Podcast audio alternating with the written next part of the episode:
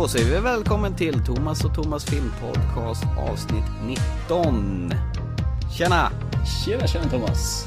Idag har vi två ganska nya filmer direkt till eh, DVD kanske. Men Ja. eh, ändå ett par riktigt eh, fina filmer tycker jag. En är direkt till DVD och den andra gick väl på biograf va? Gjorde han det? Jag tror det. Jag är osäker, så jag inte låta det osagt. Men vi kan sparka igång eh, den första filmen. I know after your father, I said I'd, I'd never ask you again. Don't let him hurt me. He's coming after me next. Please, Julian, just this once. Protect me. You want to fight? He said to kill them all. He's a very dangerous boy. Och detta var givetvis Only, Only God Forgives med eh, Ryan Gosling. Ja, våran eh, nya James Dean eh, karbonkopia höll jag på att säga. Nej, han är ingen karbonkopia. Han är soft, han är skön, jag gillar Ryan Gosling. Ja, fast den här gången gör han ju samma figur igen fast annorlunda får man ju säga. Och han har alltid vit t-shirt på sig. Hade han inte det i Drive också? Eh, jo, jag tror det. Men inte vad Linnan hade det, men det var något sånt där i alla fall. Ja, jag börjar tro att det är hans trademark att gå runt och bära en vit t-shirt. Ja, just det. Och The Pines, vad heter den andra? Pines Beyond... eh, Han var motorcykelförare. Ja, Ja, just det. Och The Place. Beyond the Pines. Då var han ju en smutsig t-shirt istället. Ja, han gör lite ungefär samma roll hela tiden va? Ja, med s- små tweaks känns det som. Även här är det ju en eh, ungefär samma roll fast den här gången så är han nog ja, lite annorlunda i alla fall. Just det. Handlingen är förflyttad till Bangkok den här gången. Och eh, Jajamän. dra gärna plotten. Ja, plotten är väl som så här att eh, han och hans bror driver väl en eh, kampsportsklubb och eh, tar väl in pengar liksom i matcher. Men det här är väl bara en fasad egentligen. Så att eh, de får in pengar för egentligen är väl droghandel igen.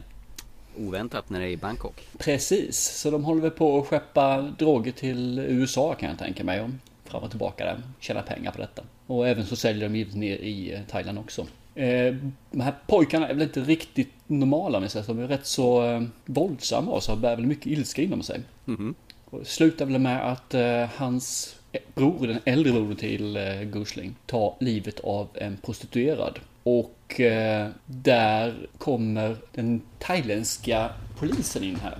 Ja. Chen tror han heter. Är han pensionerad eller inte? Eller jobbar han fortfarande? Jag hade inte riktigt grepp på det där. Kläderna han har på sig är, en pensionär, som en pen, polispensionär bär i Thailand. Ja. Men jag tror att han jobbar fortfarande. Jag fått. Och han säger i alla fall till pappan till den prostituerade att vad, hur kunde du tillåta det här, bla bla bla, och nu har du chansen att göra någonting åt detta. Och så tar pappan till den prostituerade och ett bordsben och sular väl till brorsan så att det knappt finns något huvud kvar i slutet.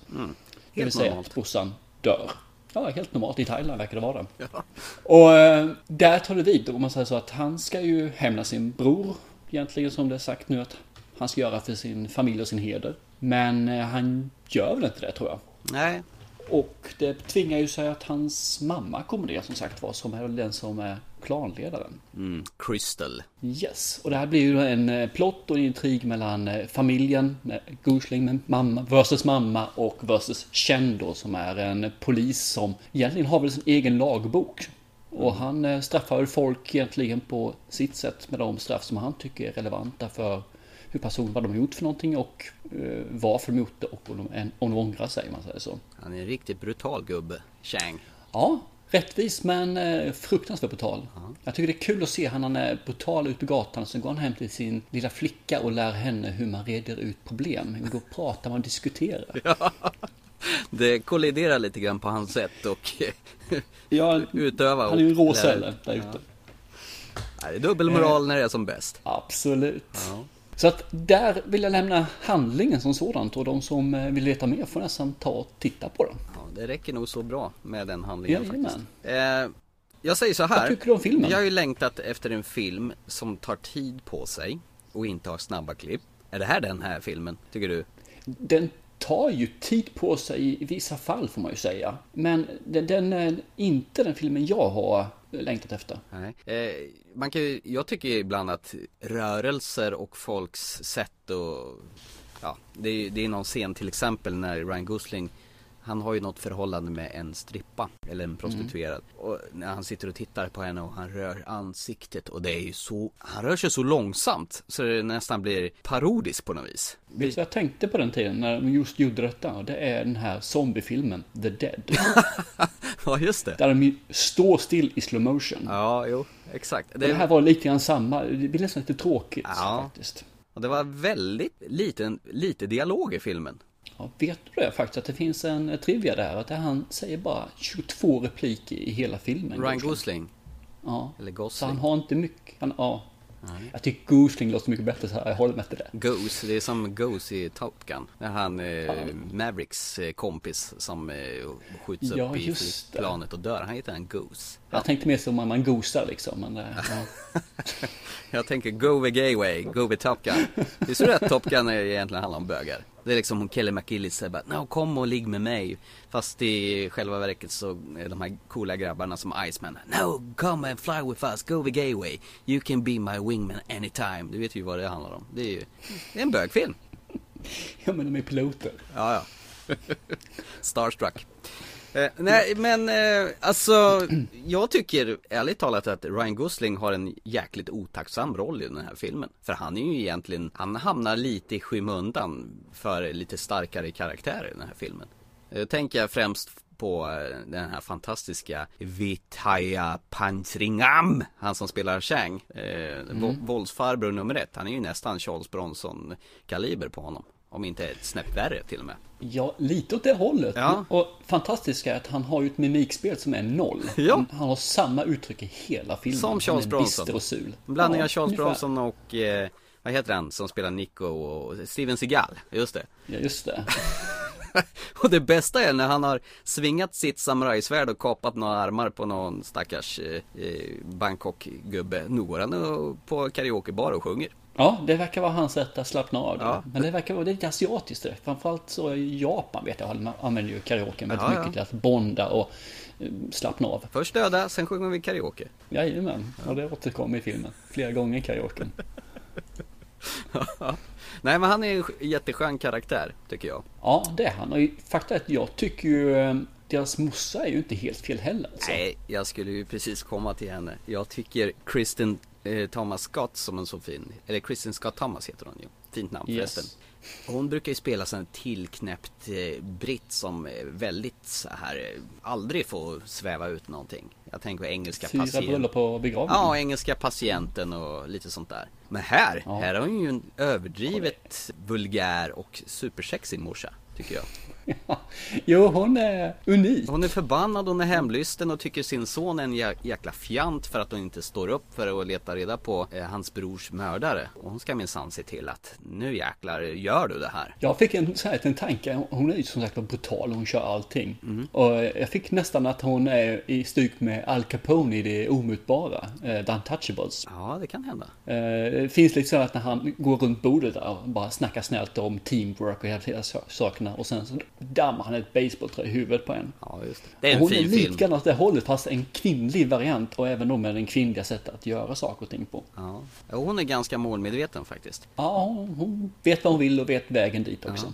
Det roliga är att hon är jäkligt sexig fast hon inte anspelar på sex direkt. Ja det är väl någon scen när hon ber, ber eh, sin son Julian komma fram och kom och kyss m- mamma här nu på kinden då och så klappar hon honom lite halverotiskt på, på armen för att då känns det lite så här incestiös på något vis. Men för övrigt så är det ju bara att hon, hon utstrålar sex tycker jag. Eller bara jag? Nej, hon, hon är utstuderad men det är lite grann klädsel och hur hon eh, för sig. Ja i sig, hon för sig lite eh, sådär. Lite ormande, lite, eh, ja. hon spelar väldigt mycket på sin sexualitet. Ja. Det är nästan för mycket vissa Nej, fall. helvete heller. Jag tycker hon var en av de stora behållningarna i den här filmen faktiskt. Ja, eh, det var faktiskt hon och då eh, polisen här. Ja. Vitaya. Ä- Ärligt talat så tycker jag Ryan Gosling, han har gått inflation och var den här tysta Alltså jag har svängt totalt nu alltså, efter jag såg den här filmen För jag har tyckt eh, Ryan Gosling har varit cool tidigare Men nu känns det som att nu har han gjort det här en gång för mycket Och dessutom när han har den här samma rollen och det kommer de här färgstarka karaktärerna Då blir han inte så häftig plötsligt Nej, jag gick in med väldigt höga förväntningar på just Ryan Gosling i det här fallet då. Mm. Som har sett ett, två filmer innan som jag har sett med honom som var riktigt, riktigt bra. Mm. Men det som du säger, att när, när jag satt och såg filmen så jag hade inte stora problem med den egentligen. Alltså, det var lite grann här, lite grann där. Mm. Och efter att jag stängt av den så kände jag liksom att den här filmen behöver nog mogna. Och så man kan ta till sig den liksom. Och det är rätt bra för jag såg den nu för drygt en vecka sedan ju. Så det var, det var rätt skönt. Men den mognade inte för mig utan den försvann. Eh, då måste jag säga, det var precis samma sak för mig. Eh, alltså vi är oh. överens, det är jättehemskt. Nej men jag, det, alltså den, den jag, jag, såg om halva filmen en gång till. För jag kände, jag har nog missat någonting här, för jag var lite trött första gången.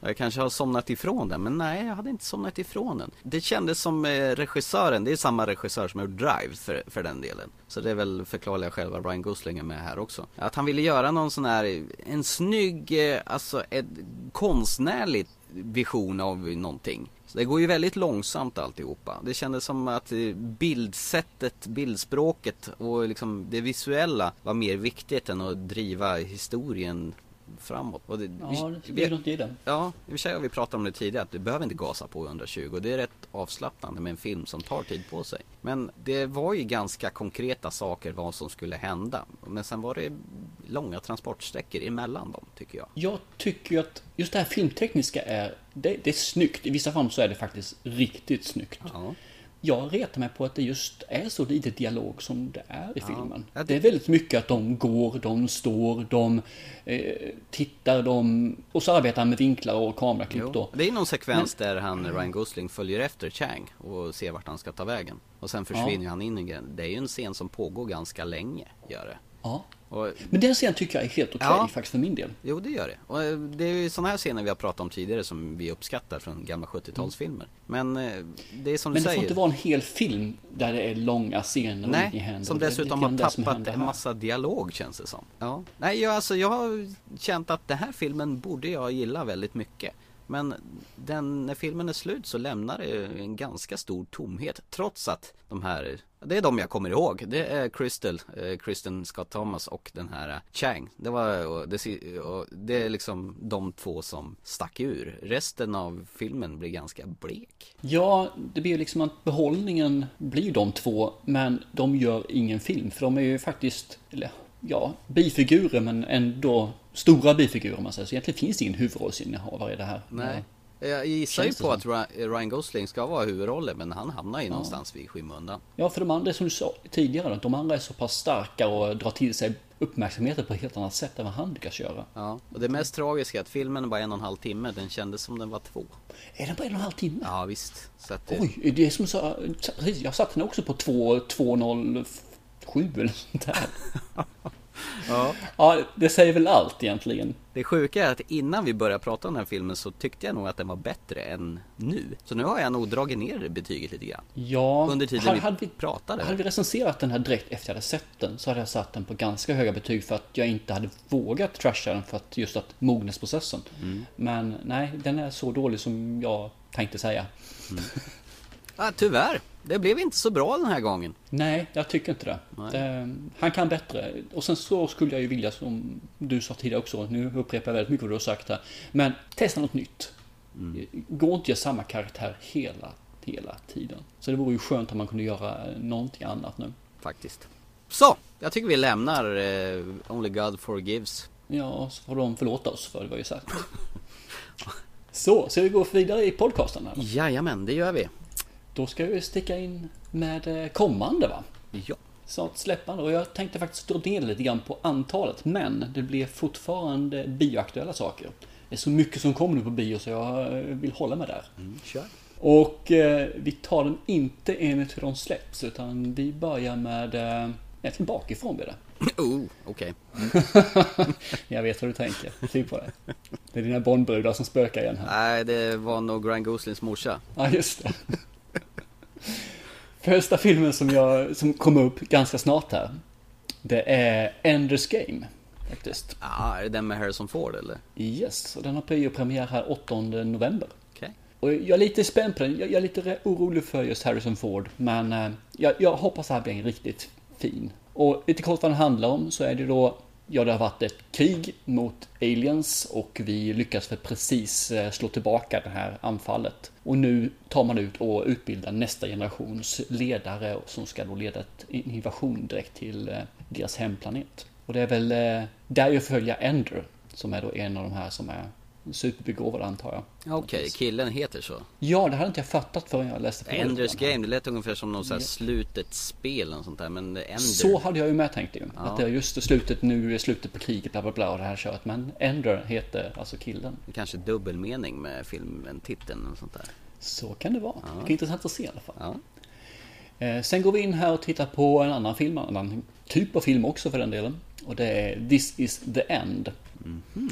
Liten actionkomedi ska det här vara. Eh, och det är väl jorden närmar sig sin undergång och eh, några killar här samlas väl i en, eh, jag tror det är en lägenhet faktiskt. Och eh, de, de är väl där som börjar väl mat och sådana saker ta slut efterhand och som sagt de sitter i samma grupp väldigt påtryckande så att man får ju följa det antar jag i det, hur de hur den relationen utvecklas under den här isoleringen. Men du, är det de där skådespelarna spelar sig själva? Med, jag tror det. Med Seth Rogens och de här killarna. Eh, ja, precis. James Franco, han som satt fast i 127 timmar tror jag är med också. Precis, de spel... Danny McBride är med också. Ja, just det. De spelar sina... Mm. Det, det verkar kul faktiskt. Ja, jag tror på den väldigt mycket. Faktiskt till och med mer än på Enders Game. Okej. Okay. Ja, det är faktiskt kul med skådespelare som kan driva med sig själva. Ja, det ska bli väldigt intressant att se vad den här var den tar sig någonstans. Sen har vi den sista filmen och det är egentligen den filmen jag är mest är rädd för. Den här är fruktansvärt hypad. Det är nog den enda filmen som jag måste se på 3D, faktiskt. Och det är med våran allra käraste Sandra Bullock och George Clooney. Husguden! Din idol! Yes. Gravity är det här. Just det. Ja, men och den ska vi de försöka ju... ta oss iväg och se om här knappt två veckor. Exakt, 25 har den eh, biopremiär. Och förresten det är samma datum som This is the End har eh, sin premiär också. Ja. Eh, den här har ju fått så fruktansvärt fin kritik alltså. Mm. Eh, alla är hänförda över 3D-effekterna, över de anslående vyerna och eh, Sandra Bullock gör väl en prestation här som är gudabenådad. Alltså. Ja, det ska ju bli väldigt spännande för hon har ju varit väldigt medioker i många sådana här tråkiga komedier som Miss Secret Agent och sådana här The Proposal och sådana där slätstrukna filmer. Exakt. Men, Efter Speed har hon knappast gjort någonting som är bra. Nej, så att hon har ju blivit tokhyllad, precis som du säger. Så att nej, det ska bli jättekul och det är därför jag som är så rädd för det här egentligen. Att man väl går och sätter sig i biosalongen och ska se den här så har man förväntningar som inte går att uppfylla mer eller mindre. Och då kommer den kanske bli mycket, mycket sämre än vad den egentligen är. Men den lär vi ju prata om i nästa podcast förstås då. Det blir det ju säkert då ja. För Vi ska se den på bio som du sa. Ja. Ja, nej, men det ska bli Jättekul! Så hoppas vi på att vi går därifrån hänförda att de har gjort någonting som är helt överlägset. Ja. ja, men det är som du säger, när det är översvallande bra kritik då eh, sätter man ju ribban ganska högt för eh, filmen och vad den lovar helt enkelt. Ja, för den här har ju blivit från egentligen som jag inte, jag hade inte hört talas om den i början av året ens att den skulle komma. Tills att det egentligen blev filmhappening för året. Mm. Ja, vi pratade ju lite löst om den för ett antal podcasters sist. Mm. Att det var en sån här som vi hade ramlat över och sett trailern på. Det här verkar ju rätt fränt. Science fiction är alltid kul. Men att ja. den har blivit så här hypad, det var ju helt oväntat. Ja. Speciellt när det är bara endast två skådespelare i hela filmen. ja, det är ju helt fantastiskt. Ja. Eh, jag älskar det. Nej, om man går tillbaka till det här som var min biohappening egentligen i början av året, när vi, året var ungt, så var det ju Sin City. Mm. Tvåan. Men den är ju framme i, till oktober nästa år. Ja, det är ju tragiskt. Det är ju mycket ja, tragiskt. Det är jättesynd. Jättesynd. För den har blivit framflyttad nu flera gånger. För den var ju tänkt att komma flera år tidigare. Fast då kom det den här Spirit, den här stället, tror jag. Ja, just det. Som var helt värdelös. Ja, nej, det verkar som man får vänta på Sin City-uppföljaren Dame to Kill for. Och jag hoppas att den är väl, väl värd sin väntan. För nu börjar jag nästan bli lite rastlös över detta. Det, det ska bli intressant att se om de behåller eh, vissa, vissa saker och ändå för den vidare. För de kan inte göra samma sak igen. Och de får inte ta bort det där som gör sin city så fabulöst bra. Nej. Fabulous! Ja, den ligger ju faktiskt på eh, topp 10 av de bästa filmerna någonsin på min lista i alla fall. Absolut, det gör den här också, utan tvekan. Mm. Det var i alla fall de kommande tre filmerna som vi tog upp den här gången. Och nästa gång hoppas jag vi kan ta några DVD-releaser istället. Eller också. Härligt! Yes! Då gasar vi vidare i programmet och eh, pratar om eh, nästa film som är ett totalt genrebyte från Only God Forgives. Det var ju en hämndhistoria i Thailand och den här gången så är det väl på sätt och vis en vampyrhistoria. Och filmen vi pratar heter Byzantium. My mother did three things for me. One, Come then. she spared my life the day that I was born. Dead, I won't. Two, she paid for my upkeep on her knees and on her back. Kiss me Why? in celebration of my wickedness. And three, she gave me the story I can never tell. Yes, en eh, vampyrfilm som du säger här. En annorlunda vampyrfilm va? Ja, och det intressanta är faktiskt att även, den är lite grann lik World War Z, för de använder aldrig ordet vampyr i filmen, lika lite som de använder zombie i World War Z. De säger inte det en enda gång. Lite förvånad faktiskt att den här inte gick upp på bio. Eller är man det? Det var den här jag trodde gick upp på bio alltså. Nej, jag gjorde tror den inte det? den gjorde det faktiskt. Eh, Den har gått i Storbritannien men den har aldrig haft någon svensk premiär på, Nej, på bio. okej. Ja, jag tycker det är jättekonstigt i sådana fall för att eh, den har alla möjligheter att eh, vara en biofilm Ja, faktiskt. tycker det också. Vad handlar den här om då? Ja, det handlar väl om eh, en mamma och hennes dotter egentligen. Som har väl en stor hemlighet. Ja, de är vampyrer och dricker blod. Saken är väl den att de har väl en rätt så trasig relation tillsammans. Det vill säga att hon, mamman behöver ju få så att de tjänar pengar och gör det genom att prostituera sig eller strippa egentligen är väl det hon gör med lite med förmåner. Eh, dottern är ju ja om man säger så, en 200 år gammal tonåring som har då sina tonårsproblem som hon vill lösa och det är att hon vill ju berätta sin hemlighet för någon som kan eh, lyfta av det från sig själv och ja, du vet hur det kan vara det här man har man ett problem så vill man prata med folk för att däremot lätta sina egna problem. Det är lite svårt för henne Men- att gå till en psykolog och prata av sig kanske. Ja, jättesvårt och framförallt har hennes mamma sagt att berätta för någon så kommer jag döda dem. För det, så är reglerna. Måste döda dem för att vi ska hålla oss gömda. För att det finns andra som jagar dem samtidigt också. I det här fallet då.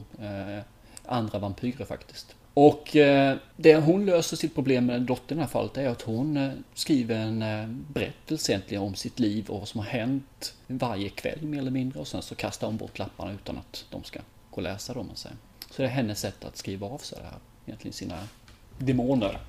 Saken är den att de här de andra vampyrerna kommer ju fatt dem och är tvungna att fly. Och eh, där tar väl egentligen filmen sin början. När de kommer till en ny stad som egentligen är den, en gammal stad de har varit i tidigare. Så jag vill inte säga mer än så faktiskt för att det ger bort för mycket av eh, plotten. Nej, det tycker jag inte du ska göra heller. Det jag kan säga däremot är lite grann att vi, vi har ju haft Vi har haft de gamla vampyrerna. De här eh, de har huggtänder som växer fram, de eh, blir till stoft och brinner upp när solljus träffar dem. Kors och vitlök och hela köret. Jajamän, hela skiten där som sagt var. Och sen så kommer ju Twilight och eh, istället för att de brinner upp så börjar de glittra och så här istället då. Ja, förstörde inte.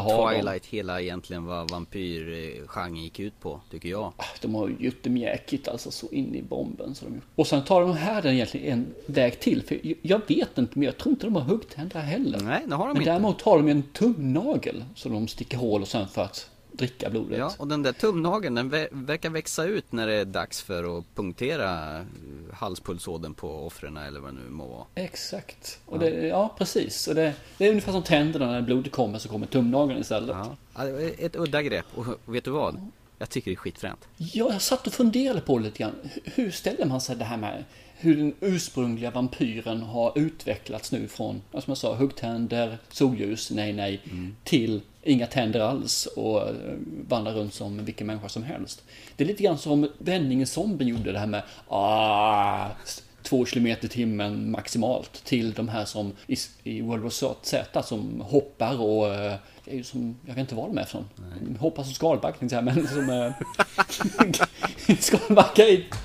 skalbaggar riktigt dåligt. Där. Vad heter den här? Gräshoppor heter Ja, den. Gräshoppe, ja. skalbagge. Ja. Det var ju han Kafka som vaknade upp som en skalbagge med vingar på ryggen. Ja, så var det ja. Förvandlingen. Ja.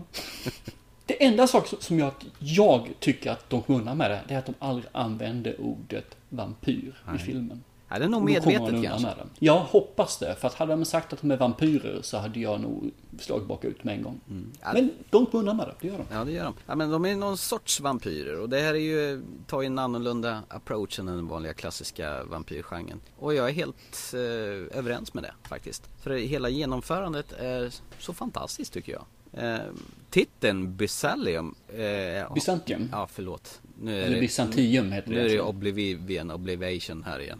Som spökar. Det är väl egentligen, eh, är det strippklubben eh, som är mittemot?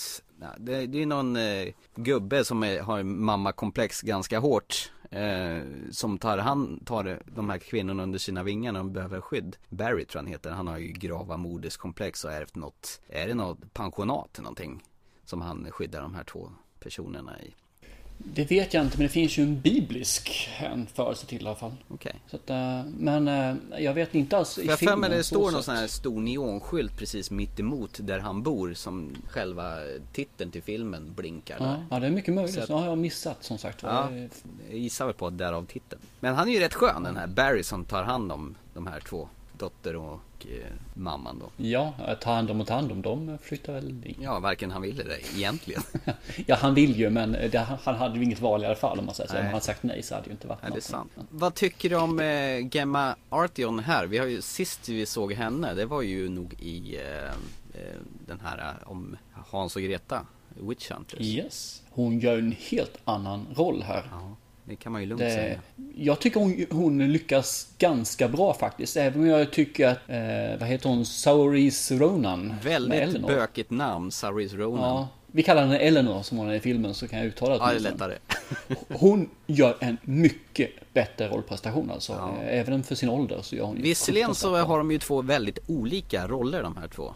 Hon är ju... Ja, fast ändå så lyckas hon presentera den, men den är mer trovärdig Ja, än vad. Gemma är. Ja. Så att, eh, jag vet inte, jag tycker liksom att har man varit levt i över 200 år, då fasen ska man klättra lite högre än att stå på en strippklubb.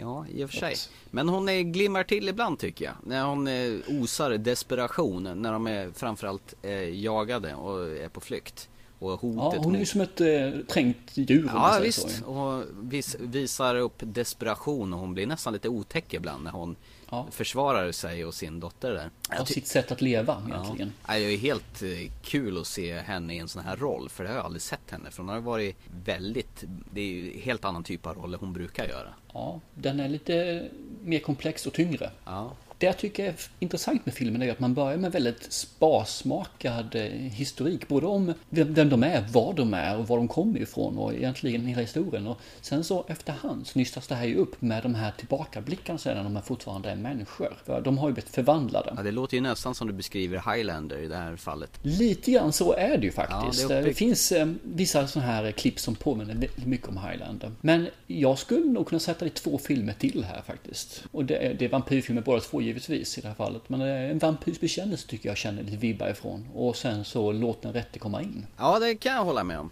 Och, eh, ja, när du säger en vampyrs bekännelse så är det inte det så vansinnigt konstigt. För regissören till den här filmen, Neil Jordan, han eh, regisserade även en vampyrs bekännelse. Så, Aha, så det här okej. är ett tillbaka tramp till en genre som han kan väldigt väl. Och i det här fallet så var det ju två stycken herrar med homosexuella undertoner som spelade. Det var ju Brad Pitt och Tom Cruise. Som eh, var egentligen en, eh, en mer erfaren och en mindre erfaren vampyr. Eh, Ja, precis. Lestat Han lär den andra suga alltså. Ja, exakt. Så, fast i det här fallet så har de ju använt två kvinnor istället. Ja, jo men det stämmer. Och det är en liten, de har ju en komplex relation till varandra. Lite grann som i Vampyrs bekännelse återigen då. Fast i det här fallet så är det väl inte så att den ena vam- vampyr så mycket längre än den andra. Utan eh, det är väl mer att de, de eh, är ju ändå fortfarande mor och dotter. Ja. Och det finns ju, man, man, det nystas upp väldigt mycket senare. Jag vet inte vad jag kan säga för något inte säga något utan att förstöra någonting. Nej. Så att eh, jag håller käft istället. Sen har de ju lite olika sätt, de behöver ju blod för att överleva. Och de gör ju det här på lite olika sätt. Jag, jag förstod inte riktigt, behöver de verkligen blod för att överleva? Ja, ja. Eller behöver de blodet bara för att de är sugna? För det är ju inte så att, som det brukar vara i, i andra filmer, så blir ju det att om en vampyr inte får blod så ser han ju för jäkligt Skrumpnar de ser ju och- fortfarande likadant ut och det är liksom ingenting som är konstigt utan det är bara att nu går vi ut och suger lite blod. Ja men det är ungefär som när annan tar en cigg efter bastun. Ja, fast jag tycker hon, eh, Eleanor gör det ju faktiskt på ett eh, väldigt bra sätt för att vara vampyr. Utan att förstöra för mycket. Mm, jo, det stämmer. Hon gör det ju nästan så att det blir legitimt. Lite grann så. Ja, Eh, en legitim vampyr. Hon ger egentligen mer än hon tar, Ja. kan man säga. Sen är det ju en karaktär till i filmen som jag blev helt såld på. Det är han killen Ja. som spelar Frank. Han som har leukemi som Eleanor träffar och vill berätta sin historia för. Han är, Ja, den killen är ju så bräcklig och så förstörd så att eh, hon, hon kör väl på honom så att han börjar blöda ganska ymnigt har jag för mig. Och Ja. eh, då, någon form av relation uppstår ju där. Och, alltså, det skådespelet och den eh, samspelet mellan dem det slår ju fyrverkerier mellan dem. Och, och jag vet inte, jag, det var länge sedan jag fann så mycket sympati för en rollfigur som den här Frank. Man ser ju verkligen att han lider och han, han har ju ingen livslust överhuvudtaget. Han skulle ju lika gärna kunna gå och lägga sig och dö. Det är rätt intressant för just när de träffas första gången så här, har han ju ingen fara med honom. Man ser liksom hur han ändrar sig efterhand. Han blir väldigt sliten i slutet av Ja. filmen. Nej, alltså Nej. jag är störtskön roll, rollfigur. Det finns många karaktärer att bli förälskade i den här filmen. Och genuint manus och he- hela genomförandet.